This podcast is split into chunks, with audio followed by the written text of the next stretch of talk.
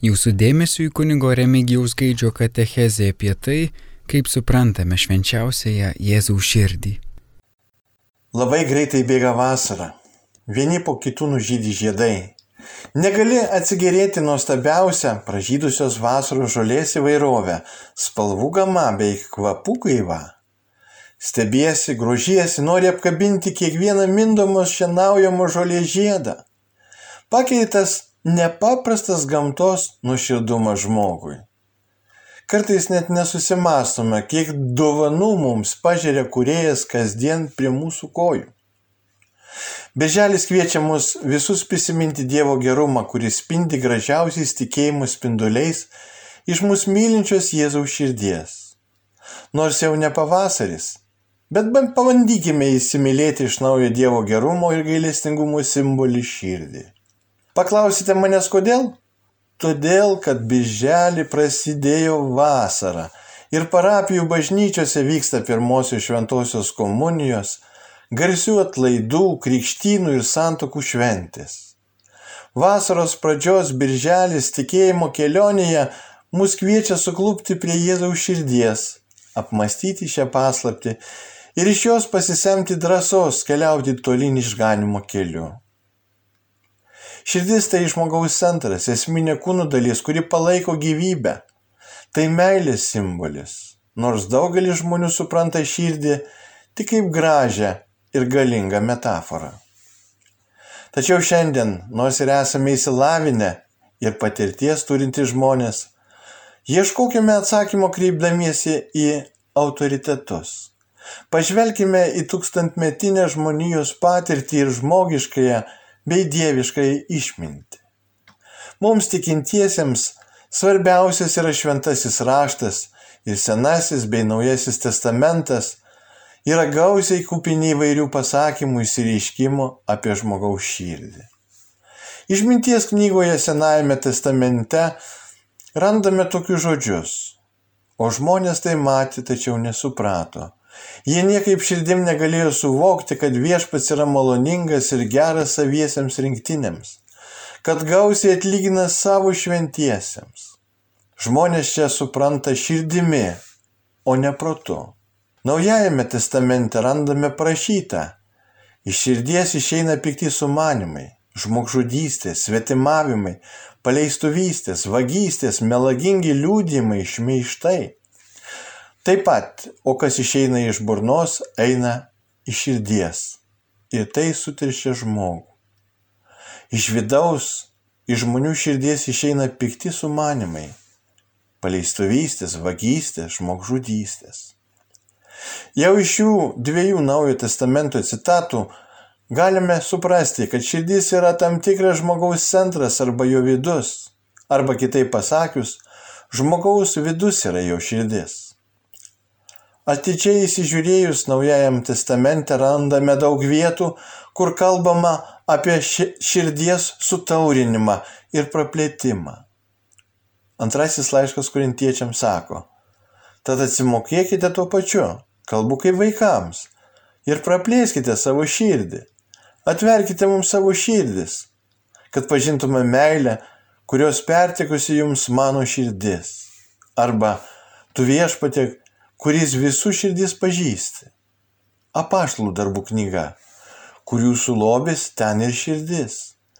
Geras žmogus iš gero savo širdies lobino ima kas gera, o blogasis iš blogo lobina ima blogą.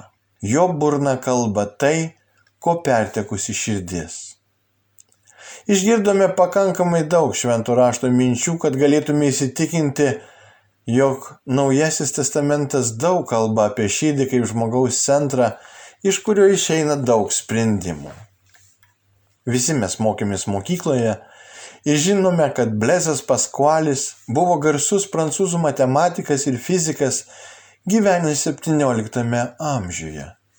Tačiau retas žino jo kaip filosofo idėjas ir mintis. Šis nuostabios erudicijos, mąstymų mokslininkas yra pasakęs neįtikėtinų dalykų apie širdį. Mes žinome tiesą ne tik protu, bet taip pat ir širdimi. Širdis turi savo mintis, kurių protas nesupranta.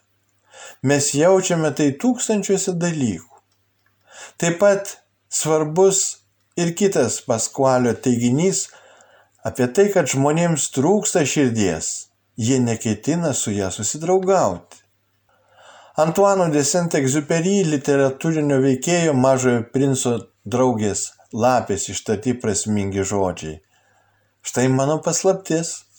Jis labai paprastas. Matyti galima tik širdimi, nes svarbiausi dalykai akimis nematomi. Jeigu kas nors šiame pasaulyje paklaustų, kieno yra geriausia ir tobuliausia širdis, tai yra mūsų išganytojo Jėzaus Kristaus širdis. Didžiulė šimtus ar net tūkstančių žmonių sutelkusios minė sekė Jėzų. Tie, kurie turėjo galimybę įpažinti, su juo kalbėti ir bendrauti, to jau jį pamildavo, palikę savo namus, šeimas, darbą ir pomėgius, sekdavo Jėzų, lydėdavosi kelionėse, troško dar ir dar kartą susitikti su juo. Kas to žmonės traukė prie Jėzaus? Gimsta paprastas atsakymas tai Jėzaus tobuliausiai širdie liepsnojanti beribė, bekraštė, pasidalijanti visų turimų gėrių meilį žmonėms. Kai buvau mokinys, beželio mėnesiais lankydavausi vakarais bažnyčioje per Jėzaus širdies pamaldas ir su nuostaba klausydavausi giesmės, kuriai pritardavo vargonai. Kaip maršas įkvepiantis ir uždegantis skambėjo giesmininkų tariami žodžiai. Žinom širdį tokią, širdį maloningą, į visiems atleidžia nesigailestingą. Tai širdis mūsų atpirkėjo ir tikriausio mūsų globėjo Jėzaus viešpaties. Šie ir kitų panašių giesmių žodžiai ir Jėzaus širdies garbinimas mums primins šventųjų globėjų atlaidus švenčiamus karštą vasarą ir šimtai šventųjų danguje nusilenks švenčiausiai Jėzaus širdžiai, parodydami mums kelią į širdį, kuri kupina meilės, nepavarksta mylėti. Šis kelias skirtas visiems. Jam negalioja sistemos, režimai, susidariusi situacija. Jame nėra baimės ir netikrumo, didelių blogą žinę skelbiančių skaičių. Į šį kelią visada galime sugrįžti tie, kurie kažkada buvome paklydę. Švenčiausias širdies pamaldumas tai pamaldumas garbingai Jėzaus Kristaus širdžiai, kurie atspindi ir primena Jėzaus meilę mums, jo jautrumą ir gerumą. Galime sakyti ir taip, tai pamaldumas Jėzaus Kristaus meiliai, apie kurią primena ir kurią atspindi jo širdis. Širdis vaizduojama sužeista, o matoma žaizda mums primena apie nematomą jo meilės žaizdą. Jėzaus širdis tai tikra, gyva širdis, kuri mylėjo ir kentėjo, kuri jo gyvenime tokia svarbi, kaip ir mūsų širdis mūsų gyvenime. Ši širdis buvo ir yra neatsiejama gailestingumo ir meilės pilno gyvenimo dalis. Atkreipdami savo žvilgsnį į mylinčią Jėzaus širdį, randame visą tai, kas Jėzuje yra susijęs su meile. Ar ne dėl šios meilės Kristus gyveno ir kentėjo? Ar ne dėl šios meilės buvo kupinas jo vidinis gyvenimas ne daugiau nei išorinis? Pamaldumas švenčiausiai širdžiai nukreiptas į gyvą Jėzaus širdį padeda mums geriau pažinti vidinį mokytojo gyvenimą, visas jo darybės ir jautrumą, pažinti Jėzų kaip begalinį mylinti ir mielą. Taigi šis pamaldumas nuo mylinčio širdies veda prie artimesnio Jėzaus atradimo, nuo mylinčio širdies prie jo meilės. Dar šis pamaldumas veda nuo širdies prie asmens. Kai kalbame apie didelę širdį, paprastai turime omenyje žmogų. Tad kai kalbame apie švenčiausią širdį, turime mintyje Jėzų. Kai mąstome apie Jėzų ir švenčiausią širdį, mąstome apie Jėzų parodantį savo širdį apie mylintį Jėzų. Švenčiausiai širdyje yra Jėzus, kaip ir visa yra Jėzuje. Izaijo knygoje, ketvirtoje Dievo tarno giesmėje, randame tokias užrašytas eilutes. Visi mes pakrykome lik avis, kiekvienas eidamas savo keliu. Iš tikrųjų, kaip Paulius dažnai tvirtina savo laiškuose, visi žmonės yra nusidėliai, visi stokoja viešpaties malonės, visiems reikia atsiversti, visiems reikia Dievo gailestingumo. Ir todėl Izaijas tęsi sakydamas, viešpas užkrovė ant jo, ant savo kenčiančio tarno mesijo visų mūsų kaltę. Jeigu taip yra, kas galėtų būti tie 99 teisėjai, apie kuriuos ką tik kalbėjo Kristus ir kuriems nereikia atsiversti. Pirmiausia, prisiminkime, kad čia Jėzus pasakė palyginimą, o palyginimuose nebūtinai reikia alegoriškai įprasminti kiekvieną istorijos elementą. Arba galima kartai surasti įvairias papildomos prasmes, kurios apšviečia tikėjimo tiesų tarpusavio ryšius. Svarbu pirmiausia žiūrėti į palyginimo pagrindinį mokymo punktą. Čia Jėzus nori ypač pabrėžti gerojo ganytojo rūpestį nuklydusioms avims. Jeigu viena avis nuklysta, piemuo tarsi užmiršta visas kitas ir palieka jas rūpestingai, ieškodamas nuklydusios, tarsi jinai būtų vienintelė pasaulyje. Šventasis Augustinas, norėdamas pabrėžti Dievo malonės pirmenybę ir absoliučią būtinybę, palygino žmoniją po gimtosios nuodėmės su pasmerkta mase, iš kurios Dievas savo laisvą valią ir malonę išgelbė kai kuriuos išrinktuosius. Iš to 16-17 amžių eretikai padarė gazdinančią išvadą, kad išrinktųjų skaičius labai apribotas ir kad visi kiti yra iš anksto nulemti pražučiai. Šis Evangelijos palyginimas mums duoda visai kitą paveikslą.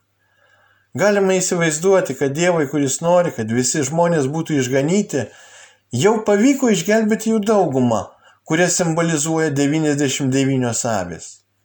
O likusių nuklydusių jis vis dar ieško, švelniai, rūpestingai, be paliovos iki pasaulio pabaigos, vieną po kitos. O dabar vis dėlto bandykime pamastyti, ką reiškia viešpatie žodžiai palyginime apie teisiuosius, kuriems nereikia atsivertimo.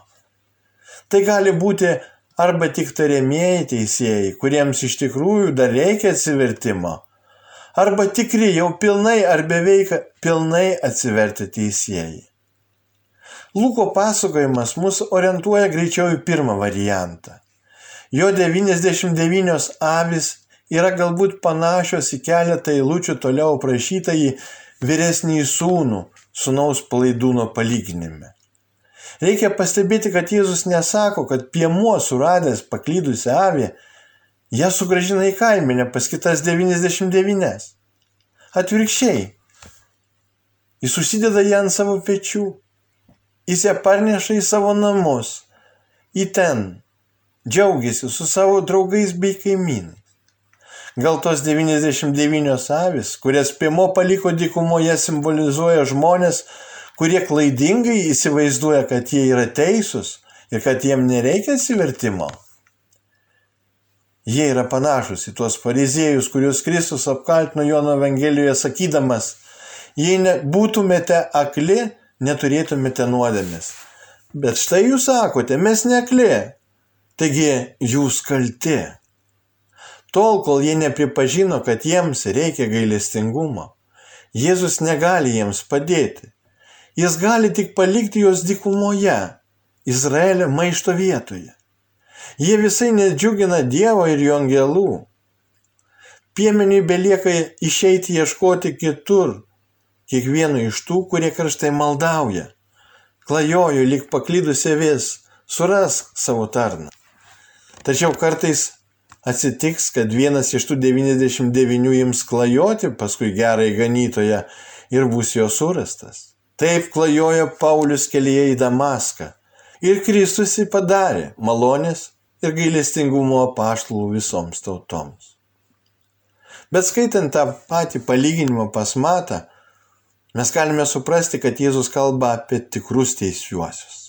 Atrodo, kad čia jis kalba net apie kitą mažutėlių kaiminę.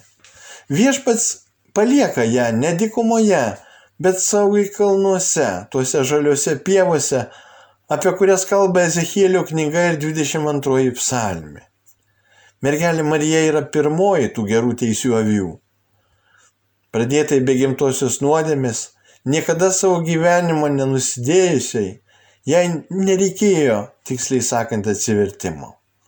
Tačiau ji nuolankiai ir dėkingai žinojo, kad ji yra iš anksto atpirkta ir aukštesnių būdų išgelbėta.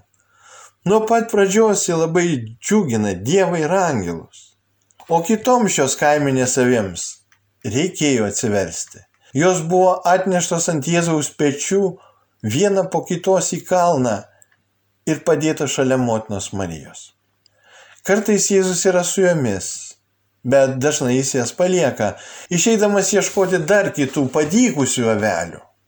Visos avis uoliai ragina išeiti, nes jos žino, kad kiekvieną kartą, kai jis parneša naujai surastą avį, jų džiaugsmas kartu su Dievu, angelais ir šventaisiais bus padaugintas šimteriopai.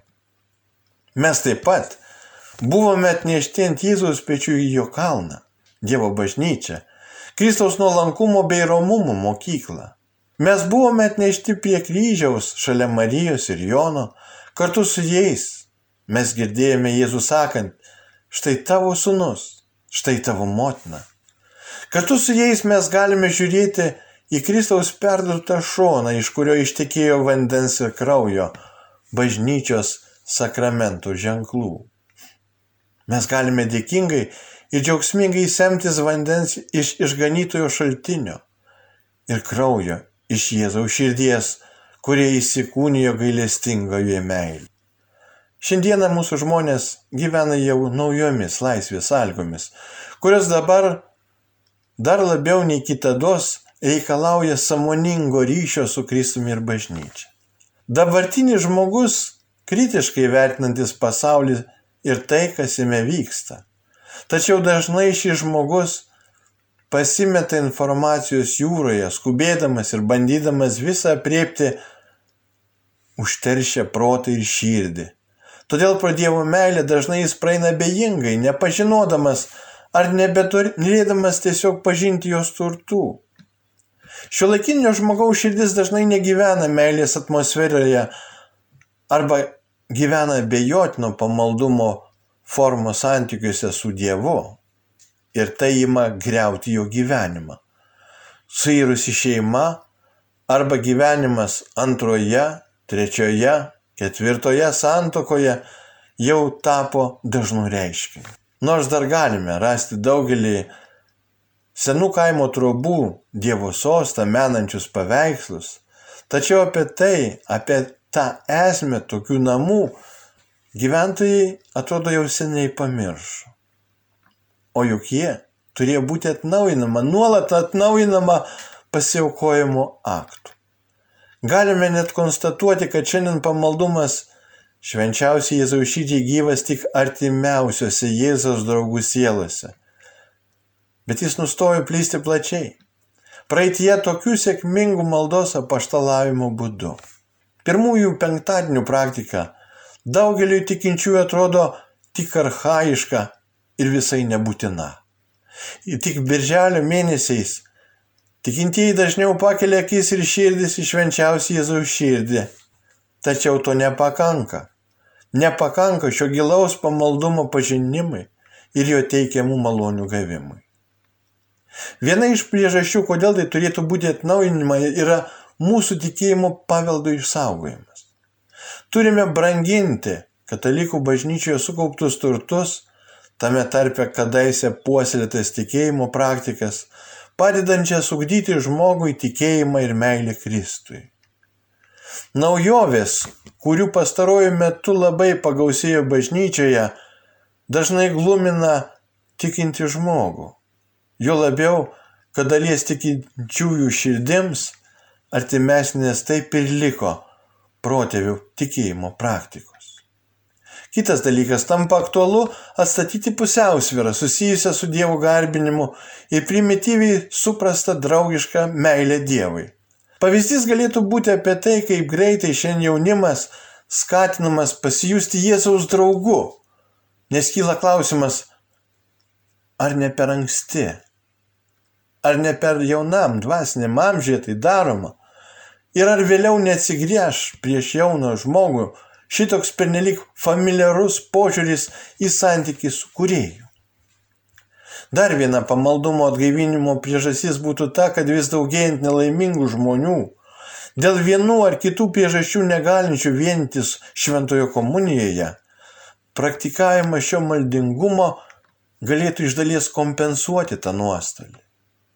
Kaip pasakoja tremtiniai, kai Sibirė, neturėdami galimybės priimti švenčiausio sakramento, lietuviai patyrė Kristaus bičiulystę per šį pamaldumą, būtent šį pamaldumą. Nemaža tokių buvo, kurie su savimi įtremti pasiėmė ne ką kitą, bet brangų švenčiausias Jėzaus širdies paveikslą ir labai sunkiomis sąlygomis vienėsi maldoje su visa bažnyčia.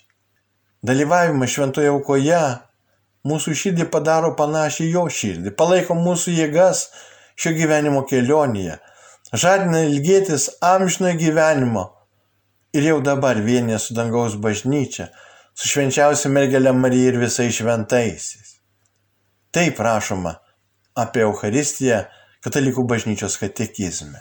Panašiai ir švenčiausias Jėzaus širdies garbinimas keičia tikinčiojo širdį ir jį per viešpaties pažadus pelnį tų pačių malonių turtus. Tuo pačiu šis pamaldumas padeda labiau įsigilinti ir į Euharistijos prasme, o šeimos ar bendruomenės būste įrengtas švenčiausias širdies sostas tampa tarsi jungtimi tarp parapijos bažnyčios tabernakulių. Jėzaus pažadai šventai Marijai Margaritai Alekok yra didelis paskatinimas ir paguoda mūsų siekiuose. O pasiaukojimas švenčiausiai Jėzaus šydžiai galinga apsauga šiame sumaišties pilname pasaulyje. Tai universalus pamaldumas, tinkantis tiek dvasininkams, tiek ir krikščioniškoms šeimoms, kur auga įvairiaus, įvairiaus amžiaus krikščionis katalikai, o taip pat ir pavieniams tikintiesiems. Žmogus sukurtas bendrystėje ne vien tik vienas su kitu, bet ir su savo kurėju. Tačiau šio santykio atkūrimas polusiam žmogui visada buvo didelė problema. Šventasis raštas dažnai minė du labai svarbius žmogui dalykus. Tai yra klausa ir rega. O bažnyčios tradicija šalia Biblijos skaitimo pateikdavo ir vizualų į apriškimo tekstą per ikoną ar paveikslą. Pažinti švenčiausias Jėzaus širdies gelmes šiame pamaldume padeda atvaizdas, todėl mes tikime atnaujinimo sėkme. Tegul šis regimas ir neregimas būdas įsikūrė padeda įsikurti Dievui mumise ir tarp mūsų. O dabar klausimas kiekvienam.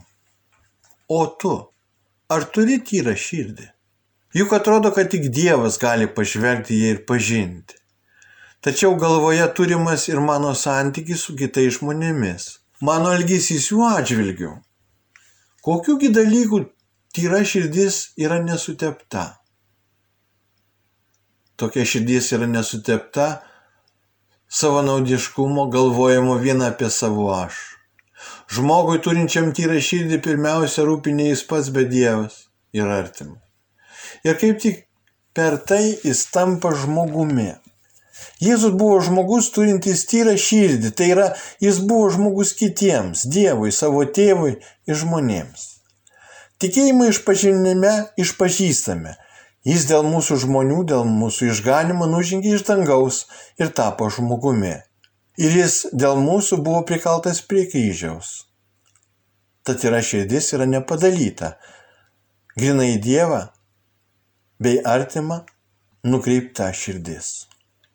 Galima klaidingai manyti, kad purvas, kurį mums reikia nuplauti nuo širdies, yra kažkas išoriška, ką galima nuplauti ir išlaisvinti iš to širdį, padaryti ją švarę. Tai yra širdis biblinė prasme negali būti be tikrojo širdies perkeitimo. Aiškumo dėliai štai paprastas pavyzdys. Namas ilgą laiką stovėjo tuščias. Langų stiklai pasidarė nešvarus langų valytojas juos valo iš išorės. Vienus pavyksta nuvalyti, kitų ne. gali valyti kiek tik tai nori, bet nieks nepadeda, langai apsinešė iš vidaus. Tada ateina stiklintojas ir kai jis padaro, jisai įstato naujus stiklus. Taigi būdai, kuriais langai padaromi švarus, yra gan skirtingi. Kuris iš jų teigiau simbolizuoja žmogaus širdies nutyrinimą? Nuplovimas ar atnaujinimas? Kas tikrai nori turėti tyrą širdį, tas trokšta, kad jo širdis būtų iš pagrindų atnaujinima. Tad tyro širdies įvaizdžiu nusakoma, jog mūsų daromas gėris ar blogis nėra išoriškas dalykas, nepaliečiantis mūsų asmens širdies. Mūsų daromas gėris ar blogis kyla iš mūsų vidaus, iš mūsų širdies. Juk žmogų suteršia vien tai, kas iš jo išeina. Iš vidaus, iš žmonių širdies išeina pikti sumanimai, paleistuvystės, vagystės, žmogžudystės, svetimavimai, godumas, suktybės, klasta, begėdystės, pavydas, šmeištai, puikybė, neišmanimas. Visos tos blogybės išeina iš vidaus ir suteršia žmogų. Tai reiškia, kad mūsų nuodėmės nenutinka mums tiesiog. Nusidedame ne tik todėl, kad esame kartais kamuojami kokios nors prastos nuotaikos, tiesiog netikėtai užklumpiami blogio ar iš apsileidimo nedarome to, kas gera. Mūsų daroma nuodėmė nėra atsitiktinis dalykas, tai kas mums nutinka atsitiktinai. Mūsų viduje, mūsų širdyje esanti netvarka išorėje pasireiškia neatsitiktinai, bet neišvengiamai. Geras medis negali duoti blogų vaisių, o netikės gerų. Vadinasi, tai, kas gera ir bloga, kyla iš žmogaus širdies, iš vidaus. Todėl rašte ši tyra širdis dažnai vadinama nauja širdimi, jautria, o ne akmeninė širdimi. Taip išreiškiamas to nuplovimo ir atnaujinimo gilumas.